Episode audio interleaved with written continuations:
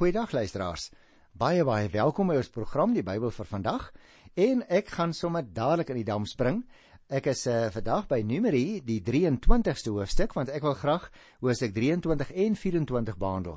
Ons het nou al in die vorige programme kennis gemaak met Biliam en ek het vir julle uh, heelwat agtergrond daaroor gegee. As ons tyd het aan die einde van die program, gaan ek dalk nog weer 'n bietjie oor hom praat.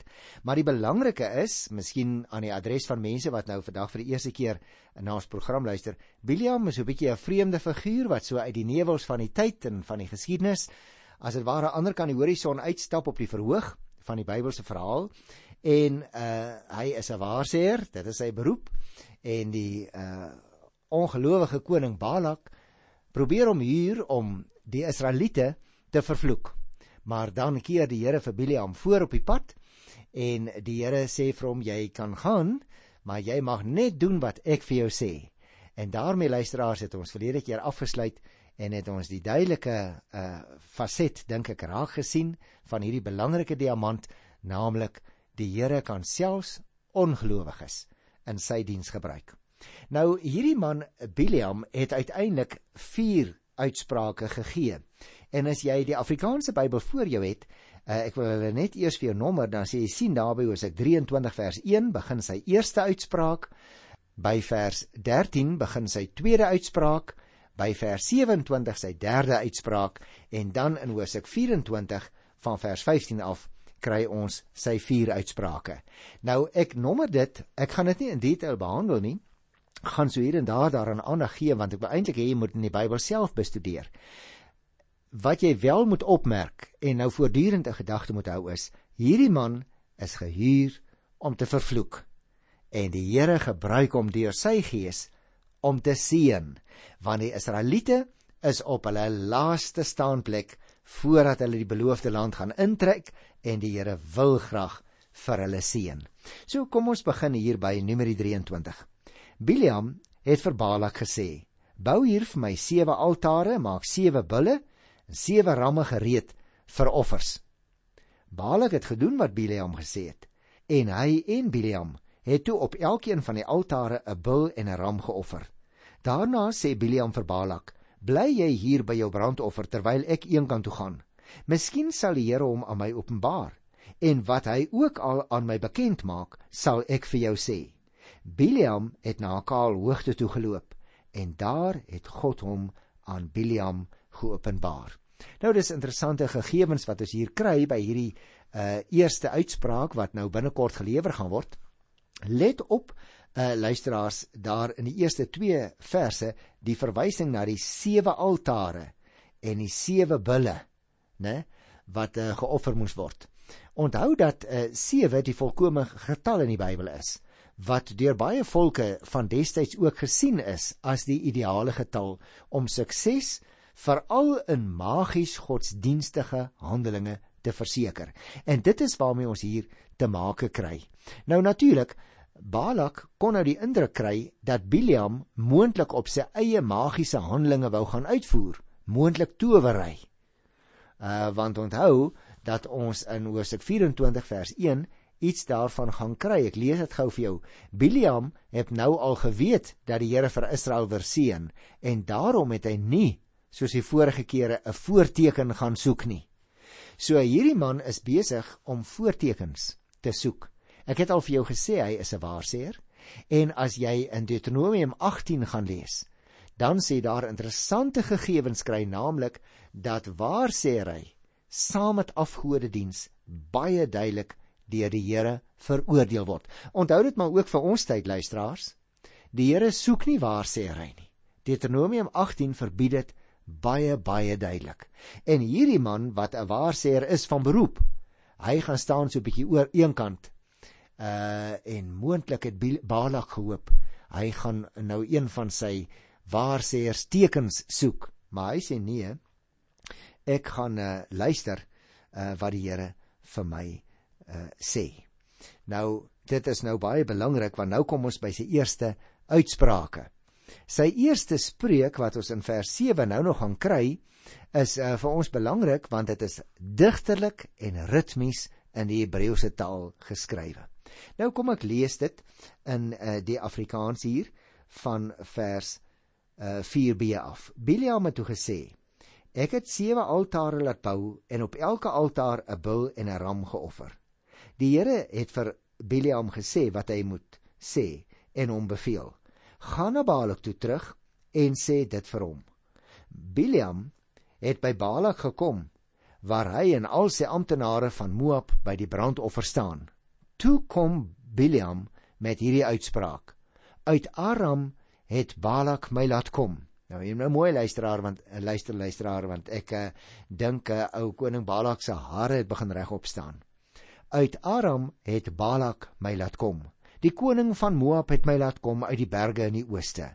Kom het hy gesê, vervloek Jakob vir my. Kom, kondig 'n ramp aan oor Israel. Maar hoe kan ek hom vervloek vir wie God nie vervloek nie? Hoe kan ek 'n ramp oor hom aankondig as dit nie deur die Here aangekondig is nie? Hier van die hoë rotse af sien ek vir Israel. Van die hoogtes af kyk ek na hom. Ek sien 'n volk wat op sy eie woon en hom van die nasies afsonder. Wie kan die stof tel? Wie vir Jakob? Wie kan selfs die kwart van Israel se getal bereken? Mag ek ook eendag as opregte sterwe, mag my uiteinde soos hierdie volk sin wees. Nou luisteraars, ek dink Balak moes ongelooflik ontsteld gewees het. Toe hy hoor hier sien hierdie man vir wie hy gehuur het om te kom vervloek, nou die Israeliete. En daarom luister na vers 11. Toe sê Balak vir Biljam: Wat het jy my nou aangedoen? Ek laat jou kom om my vyande vervloek en jy kom en jy seën hulle. Natuurlik, luisteraar, ek kan hierdie ontsteltenis van koning Balak baie goed verstaan. Maar dan kom ons by die tweede uitspraak.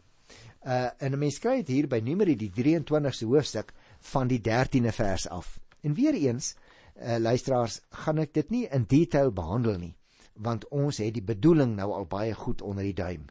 Vers 13 sê: "Toe sê Balak vir Biljam: Kom saam met my na 'n ander plek toe. Van daar af, as jy net 'n deel van hulle kan sien, nie almal nie, vervloek hulle vir my van daar af." Balak vat hom toe na 'n uitkykpos op die top van Pisgaberg. Daar bou hy sewe altare, offer op elke altaar 'n bul en 'n ram. Daarna sê Biljam vir Balak: "Bly jy hier by die brandoffer terwyl ek eenkant toe gaan om van God 'n openbaring te vra. Die Here het hom aan Biliam geopenbaar. Hom gesê wat om te sê en hom beveel: "Gaan na Balak toe terug en sê dit vir hom." Nou, jy sien luisteraar, hier gebeur nou eintlik dieselfde ding. Uh dat die Here seën woorde sê wat hy moet gaan oordra. Ek wil net van daardie woorde vers 19 en 20 so klein bietjie uitlig. God is nie 'n mens dat hy sou lieg nie. 'n mens dat hy van gedagtes sou verander nie. Hy sou nie iets sê en dit nie doen nie. Iets beloof en dit nie uitvoer nie. Ek het die opdrag om te seën. Hy het geseën en ek kan niks daaraan verander nie. Jy sien, hy begin weer te sê God is nie 'n mens nie. Natuurlik, luisteraars, dit is 'n idiomatiese uitdrukking tussen hakies in Hebreëus ook om soort uit te druk. En die bedoeling is God is anders. Ek huiwer nou om die uitdrukking te gebruik. God is 'n ander soort, né? Want die Here is heeltemal anders. So laat ek liewer net sê God is anders as die geringe mens. Psalm 8 leer dit ook vir ons. Die uitdrukking dat die Here dan ook nie van gedagte verander nie, is parallel met die vorige reël wat verwys het na iets wat God sou sê en dit word waar. Gaan kyk gerus maar in Maleagi by die 6ste vers ook. Ehm uh, miskien moet ek net vers 21 nog onderstreep in hierdie uh tweede uitspraak. Jy sal nie vind dat 'n ramp vir Jakob tref nie. Jy sal Israel nie sien swaar kry nie. Die Here, hulle God, is by hulle. Met ander woorde luisteraars, hier hoor Balak nou baie duidelik dat eintlik help dit nie om vir Biliam te gebruik nie want die Here wat sy woorde nou in Biliam se mond gelê het, sê dat hy Israel nie sal sien swaar kry nie, dat die Here self by hulle is. Inteendeel, so sê vers 24, dit is 'n volk wat soos 'n leeu mannetjie opstaan, wat hom uitrek soos 'n leeu, wat nie gaan lê voordat hy sy prooi verskeur het en sy slagoffers bloed gedrink het nie. Ek kan dus baie goed verstaan dat 'n Israel wat nou voorgestel word as 'n leeumannetjie in hierdie idiomatiese uitdrukking uh, wat Biliam gebruik vir uh, Balak geweldig ontstellend moes gewees het. Daarom weer vers 25. Toe sê Balak vir Biliam: As jy hulle nie kan vervloek nie, moet jy hulle ook nie seën nie. Met ander woorde, Balak kom nou met 'n truc wat hy wil probeer. Hy sê, hoorie, nou ek het jou van baie ver af laat kom. Uh en ek moet jou ook betaal. Maar uh, as jy hulle dan nou nie mag vervloek nie, moet hulle asseblief ook net nie seën nie. Met ander woorde, hy probeer vir Biliam stil maak. Maar natuurlik, dit werk nie so nie. En dit bring my by die derde uitspraak. Dis by uh Numeri 23 hier by vers 27. Toe sê Balak vir Biliam: "Kom ek vat jou na 'n ander plek toe. Miskien vind God dit tog goed dat jy die volk daarvandaan vir my vervloek." Nou kyk hoe ontwikkel hierdie verhaal nou, né? Elke keer as Balak nou agterkom dat Biliam seënwoorde uitgespreek het, dan vat hy hom vir die volgende ronde na 'n ander bergspits toe sodat hy weer daar uit die hoogte kan afkyk hier op die vlakte en hy kyk na die Israeliete en dan hoop ou Balak hierdie keer gaan Biliam hulle seën maar dit werk natuurlik nie so nie ek gaan ook net weer enkele van die verse van uh, die uh, uitspraak van ou Biliam lees. Ek gaan nie die hele gedeelte nie. So luister hier by die derde vers. Toe kom Biliam met hierdie uitspraak: Die openbaring aan Biliam, die seun van Beor, die openbaring aan 'n man wie se oë geopen is, die openbaring aan een wat die woorde van God hoor, wat sien wat die Almagtige hom laat sien, wat in die gebed neerval en sy oë word geopen. Nou openbaring, die woordjie wat nou hier gebruik word vers 4, die openbaring van 'n uh, een wat die woorde van die Here hoor en ook in die derde vers die openbaring aan Biliam, dit dui natuurlik daarop dat dit kennis is wat net van God af gaan kom. Uh die persoon kan dit nie weet as die Here dit nie aan hom bekend gemaak nie. Daarom word dit ook beskrywe as 'n openbaring. Biliam se oë is dus in geestelike sin geopen vir die onsigbare dinge. Dit blyk ook uit die volgende vers wat ek gelees het daar in vers 4 en nou dadelik in vers 5 ook begin hy met 'n lofsang. Hoe mooi is jou tente Jakob jou wonings Israel. Hulle lyk soos uitgestrekte valleie soos tuine aan 'n rivier soos alwyne wat deur die Here geplant is soos sederbome by die water. Nou luister as dit is natuurlik nie letterlik waar nie. Dit is 'n 'n uh, visioen wat uh, Biliam van die Here ontvang en nou maak hy 'n profetiese uitspraak daarvan. Met ander woorde, hy verklank in baie poëtiese taal op 'n baie besondere manier wat die Here hom laat sien. Om die waarheid te sê, hy doen dit baie sterk. Luister na vers 7. Israel se waterkruike loop oor. Hy saai waar oorvloed water is. Sy koning is sterker as Agag en sy koninkryke groei steeds. Met ander woorde, hierdie uitspraak sê daar lê 'n groot toekoms vir Israel voor. Nie vir jou die koning Balak, vir Israel. Die gedagte luisteraars is dus die van oorvloedwater en van voorspoed. 'n Koning vorm selfs deel van Biliam se toekomsvisie vir Israel. Agag, dis nakies na, na wie hier verwys word, uh, was waarskynlik nie 'n spesifieke koning aan wie nou gedink word nie, maar 'n amptstitel waarmee konings van die Amalekiete aangedui is. Nou luister net na vers 10 hou ek met hierdie ene op. Balak was toe baie kwaad vir Biliam. Hy het sy hande afwerend voor hom gehou en vir Biliam gesê: "Ek het jou laat kom om my vyande te vervloek en jy het hulle nou al 3 keer geseën." Nou hierdie uitdrukking om die hande afwerend af te weer was natuurlik in daardie tyd 'n baie sterk teken van veragting. Want al die rituele handelinge was sonder enige sukses tot nou toe. En nou hou Balak sy hande afwerend in die rigting van Biliam. Dis asof hy wil sê ek wil eintlik nie meer hoor nie.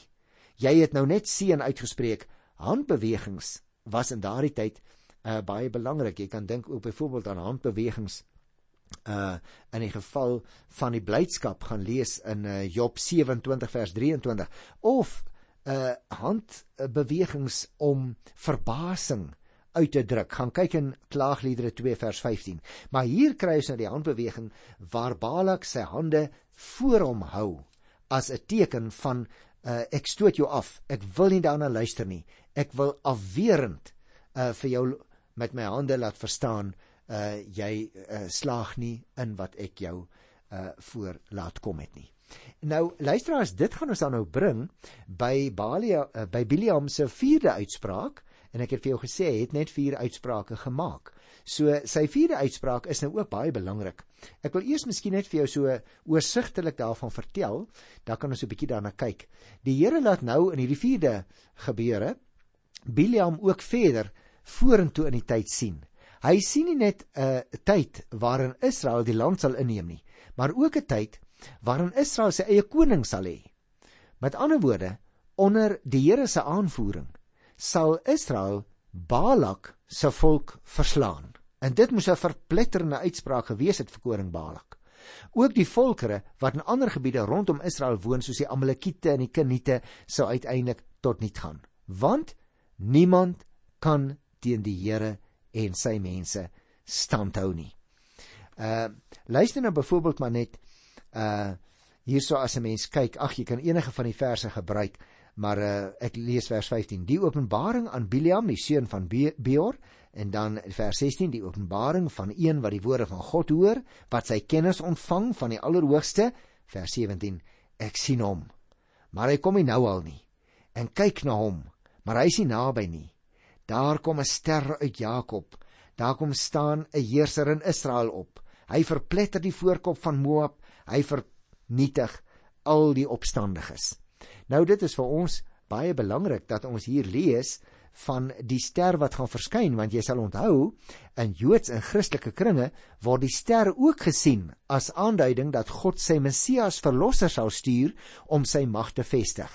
Dis nakies in Openbaring 22 vers 16 word die Here Jesus pertinent genoem die helder môre ster.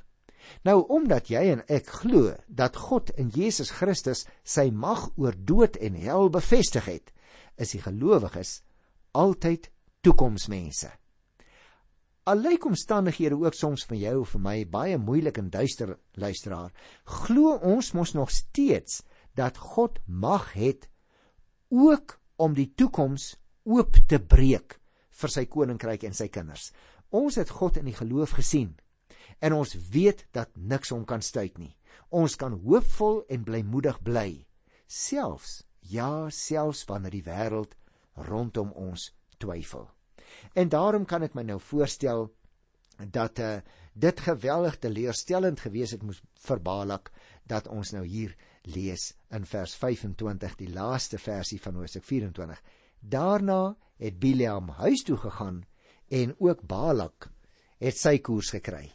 Ek wil dan ten slotte in ons program net so enkele slotopmerkings maak oor hierdie man Biliam dat ons daarom net uh voordat ons van hom afstap finaal kan weet wie hy is want ons gaan hom nie weer teekom in die boek Numeri nie.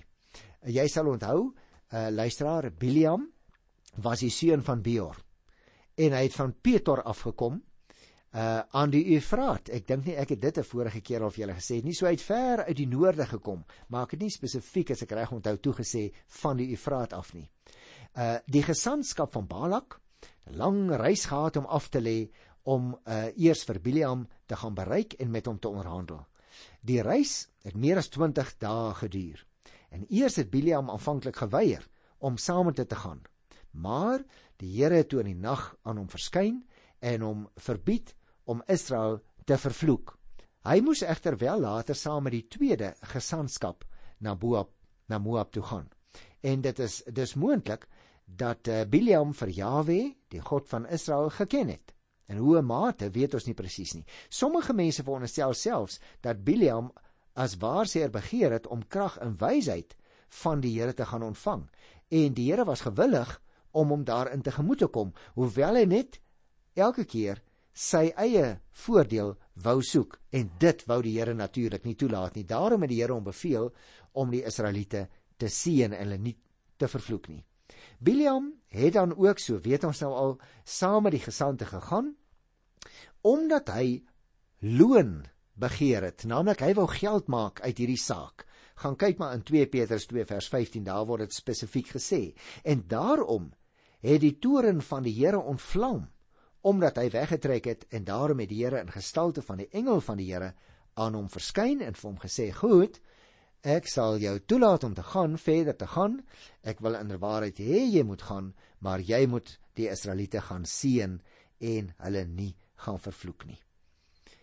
Biliam moes ook op 'n stadium sal jy onthou daar in Numeri uh 22 uh by vers 34 erken dat hy gesondig het en daarom het hy uh ook vir die Here gesê Here ek het gesondig maar ek is bereid ek sal gaan en ek sal gaan doen wat u wil hê wat ek moet doen. Nou luisteraars nie teenstaande die feit dat hy van towery gebruik gemaak het. Dit word spesifiek vermeld in Numeri 24 vers 1 is Biliam deur die Here op 'n besondere manier as 'n profeet gebruik. Al moet ons aanneem dat sy hart nie werklik saamgeleef het in wat hy moes sê nie, maar hy kon nie anders nie. Hy was onder die invloed van die Here deur sy gees. Ons kry uh, selfs die indruk luisteraars dat hy nie kon verdra dat hy met smaad en sonder loon uiteindelik deur Balak weggejaag is nie. Nou dit kan 'n mens baie goed verstaan. Ten slotte Biliam het in die oorlog tussen die Israeliete en die Midianiete gesneuwel. Op hierdie stadium weet ons dit nou nog nie uit die gedeeltes wat ons behandel het nie, maar mens leer dit in Numeri 31 vers 7. Nie teenstaande die verhewe inhoud van die ingegewe spreuke waarin hy selfs van die Messias geprofeteer het, ek het jou net nou daarop gewys, as die ster wat te voorskyn kom uit Jakob hier in Numeri 24 vers 17 en nie teenstaande sy wens om self die dood van die opregte te kan sterwe. Uh, dit het ons teëgekom in Numeri by die 23ste hoofstuk vers 10. Ten spyte van dit alles was Biliam in werklikheid 'n vyand van die volk van die Here. Hy wat eers deur die Here gebruik is, is daarna weens sy vyandskap gedood in die stryd en in die oorlog wat gekom het. Nou luisteraars, uh dit bring my aan die einde van die Biliam uitsprake. Maar ek dink dit is tog belangrik dat ek net vir 'n oombliekie uh sal stil staan by daardie uitsprake wat die Here in sy woord het en waarteen hy hulle gewaarsku het, praktyke waarmee hulle hulle nie mag besig hou as hulle in die beloofde land sou inkom nie. Want die konkrete prentjie voor ons op die tafel is nou die van die Israeliete wat wat op die punt is om die beloofde land in te trek. En uh, in hierdie op, opset is die waarseer Biliam dan geroep om oordeel oor hulle uit te spreek. Luisteraars, as 'n mens kyk in Deuteronomium 18 en ek dink hierdie goed is vir ons vandag nog net so ter saake, daarom uh, maak ek hierdie enkele opmerking ten slotte. In Deuteronomium 18 van uh uh die 9de vers af staan daar wanneer jy in die land kom wat die Here jou God aan jou sal gee, moet jy nie die afskuwelike praktyke van daardie nasies aanleer nie. Daar mag nie iemand by jou wees wat sy seun of dogter as offer laat verbrand nie. Daar mag nie 'n besweerder by jou wees nie en ook nie 'n towenaar of iemand wat voortekens lees of 'n goelaar of slangbesweerders of iemand wat geeste om inligting vra en dooies raadpleeg nie. Die Here het 'n afskuw van elkeen wat hierdie soort ding doen. En miskien sal jy ook onthou later in die geskiedenis die uh, verhaal van Saul, die eerste koning van Israel, hoe dat hy die towerheks van Endor gaan raadpleeg het daar in 1 Samuel 28 en dan sterf hy later in 'n geveg met die Filistyne en dan word daar 'n baie interessante maar 'n baie baie belangrike opmerking gemaak in 1 Kronieke by die 10de hoofstuk by vers 13. Daar lees ons: Saul is dood oor die troubreuk wat hy teenoor die Here begaan het deurdat hy aan die bevel van die Here ongehoorsaam was en ook deurdat hy raad gevra het by 'n gees in plaas van die Here te raadpleeg. En daarom moet ons weet Ons kan sulke praktyke nooit goedkeur nie. En net soos wat die Here selfs ook vir Biliam kon gebruik het om seën uit te spreek oor sy eie mense, het hy in 'n veel groter mate die seën van die hemel oor ons oopgedraai in die koms van Jesus Christus ons Here. En daarom wil ons mos graag die wil van die Here doen in gehoorsaamheid aan ons hemelse koning. Ek groet jou in sy wonderlike wonderlike naam tot volgende keer. Tot dan. Totsiens.